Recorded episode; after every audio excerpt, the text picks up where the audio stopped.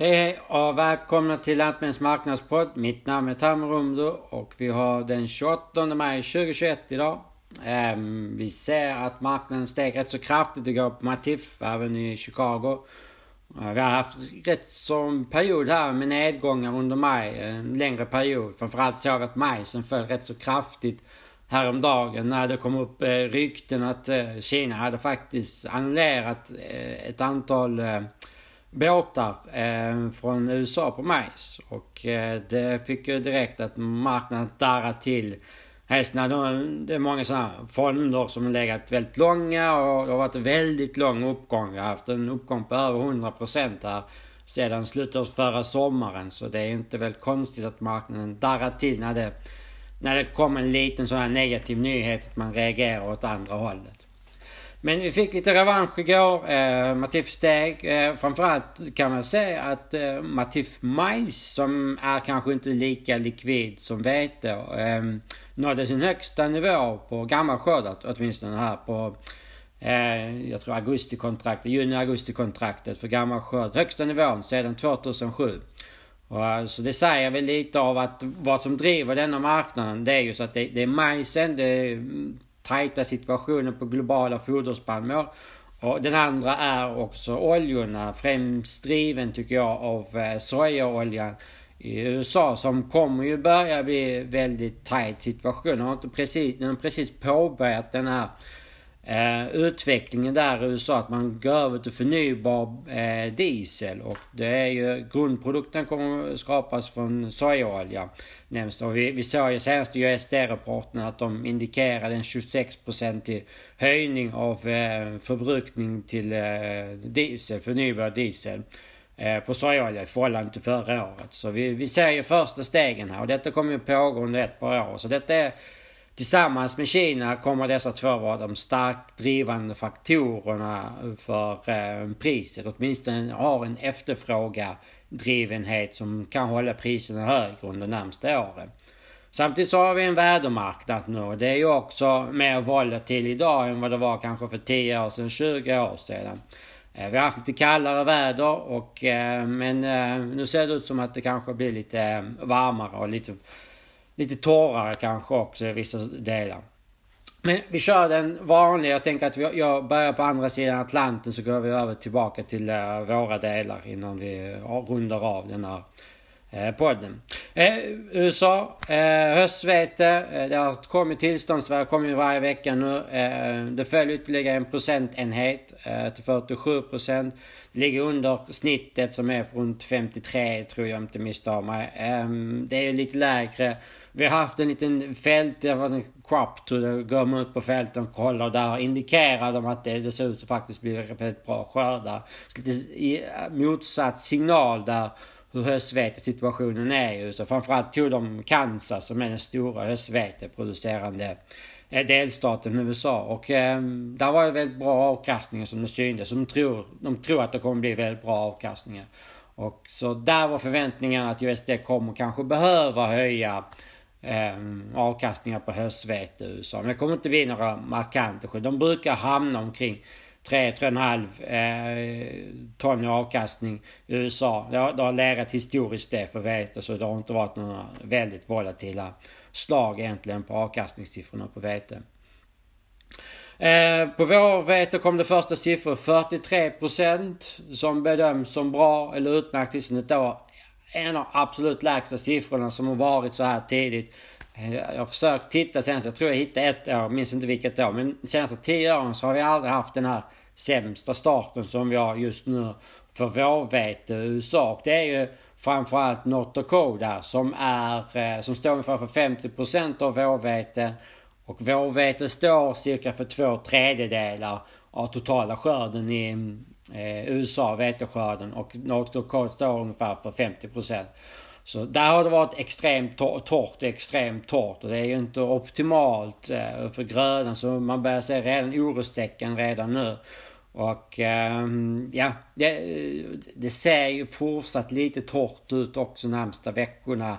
Det, det kommer ju behövas rätt så mycket nederbörd för att bli av med den här Eh, få upp den fuktigheten i marken och det, det, är ju inte optimalt just när det börjar bli varmare också och då, då krävs det ännu mer nederbörd. Resten stråväxt, det, det, är ju inte alls optimalt för den starten. Det gynnat å andra sidan sådden i USA. Vi ser ju att både majs och sojabönor och även vårvete, det gick ju extremt snabbt. Det är ju en av de snabbaste takterna vi har haft de senaste tio åren. Och samma, eh, samma saker hör vi också från Kanada. Att det har ju gått väldigt snabbt med vårsådden där också. Men eh, även där är ju oro över den här torkan. Den har ju spritt sig över på andra sidan också mot kanadensiska eh, ja, åkermarken och eh, framförallt på, strax så. Det störst är det runt Durum-producerande regioner vad jag ser just nu. Som har blivit, de ligger näst, väldigt nära gränsen mot USA. Det är samma sak med amerikanska Durum. Eh, arealen ligger väldigt nära den kanadensiska eh, gränsen. Så eh, det har påverkat, men det påverkar annat också om detta skulle få, om det skulle fortsatt få en liten spridning. Um, så det ser lite så eh, det, det ser fortsatt väldigt hårt ut där. Kommer det på. Så jag tror det kan bli lite justeringar nedåt där. Eh, annars är det ju majs och sojabönor som man kommer fokusera på marknaden. Och det är ju nu juni, juli, augusti som är de stora vädermånaderna för eh, amerikanska majsen och sojabönorna. Och eh, det ser ut att få gott om nederbörd. Men det, nu är det ju det här, det börjar skifta nu temperaturen för norra halvklotet. Vi har haft mycket kallare väder här under första månaden, första fem, fyra månaderna här. Och det, det ser ut att skifta nu. Vi går lite mot mer normalt varmare och eh, då kommer det krävas mer nederbörd också. Och, mm, så får vi inte det så kan detta börja påverka. Men juni månad ser ut att bli varmare i eh, USA och framförallt under sommaren ser det ut att bli varmare än normalt. Så det kommer krävas mer och nederbörden ser ut att kunna infrias men eh, Ja, vi, vi håller på att skifta här till ett varmare väder. Vi ser också mot Europa och eh, andra delar av, alltså norra halvklotet rent generellt, att det börjar bli varmare under juni månad. Fortsätter vi lite söderut mot Brasilien som är ju den stora eh, väder... Eh, det som befinner sig i riktigt kritiskt väderläge är ju majsen där. Och det är den safrinja som är andra skörden av majs. Och den har ju verkligen drabbats av den här torkan. Det var sent med sådden för det regnade för mycket och det skördades för sent med sojabönor som man skulle så majsen och allting blev ju bara för sent. Och nu är det riktigt torrt. Framförallt det där matto eh, Mato Grasso Mato Grosso som är den stora delstaten där. Det, det är ju snustort där. Det är 14 dagar tillbaka snustort, 14 dagar framåt snustort. Nästan ingen nederbörd överhuvudtaget. Det kommer lite mot södra regionen att producera. Men där har ju varit torrt så frågan är hur mycket som kommer räddas, inte som går. Och det kommer ju informationer där att lantbrukarna redan börjat fokusera på att detta kommer gå till ensilage vi kommer inte kunna sälja detta på exportmarknaden. Så det är fortsatt lite tecken på det. USD sänkte mot 102 om jag inte misstar mig. det är väldigt många som ligger runt 90 miljoner ton just nu på brasilianska eh, majsskalor. majsskörden. Det är den tajta situationen nu på majsen som verkligen får dessa konsekvenserna i eh, foderspannmålspriset på gammal skörd som har drivit upp det. Och en av förklaringarna till varför Matif majs på gammal skörd har stigit till högsta nivå sedan 2007. Att vi har ju den snäva situationen. Den andra aspekten som var ju under veckan, för dessa två veckorna, har ju varit att Kina har varit inne och köpt väldigt stora mängder. Vi är uppe i nästan 15 miljoner ton sålt eh, majs på ny skörd från USA. Och detta är innan eh, alltså sådden ens avklarat. De har redan köpt nästan 15 miljoner ton eh, majs. Varav 11 ungefär kommer från Kina. Eh, och 11-12. Och detta är ju en indikation på att Kina väldigt tidigt köper in. Och väldigt många som frågar sig varför de har gjort det. Eh, är det på grund av att de har väldigt mycket brist på det? Eller är det bara att de är oroliga att Brasiliens skörd kommer att bli mindre och de vill vara inne och täcka tidigare? Sen har jag kommit information under veckan att de annullerade. Vi föll väldigt kraftigt, framförallt Chicago. Majsen föll över 5% bara under en dag där.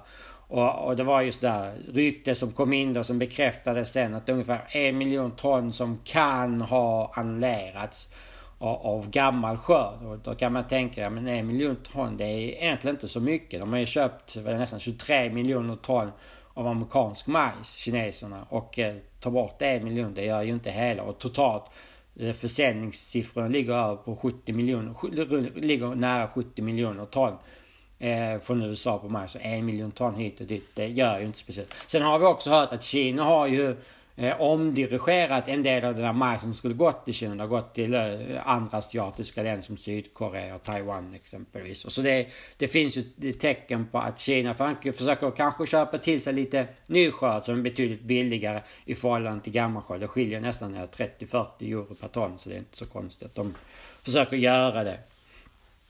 Går vi över på vår sida, eh, över Atlanten till Europa. Det har varit kallt. Eh, väldigt eh, fördelaktigt väder. Vi, alltså jag, jag, tror fortfarande att det, detta kommer bli en av de eh, bästa veteskördarna som vi har fått i Europa. Eh, fått väldigt tydliga signaler från Rumänien, Bulgarien, stora exportländer. Eh, från eh, Svarta havet. Eh, Rumänien har ju varit väldigt konkurrenskraftiga. Egypten var ute och hade en liten eh, aktion här på vete som är stora importörer.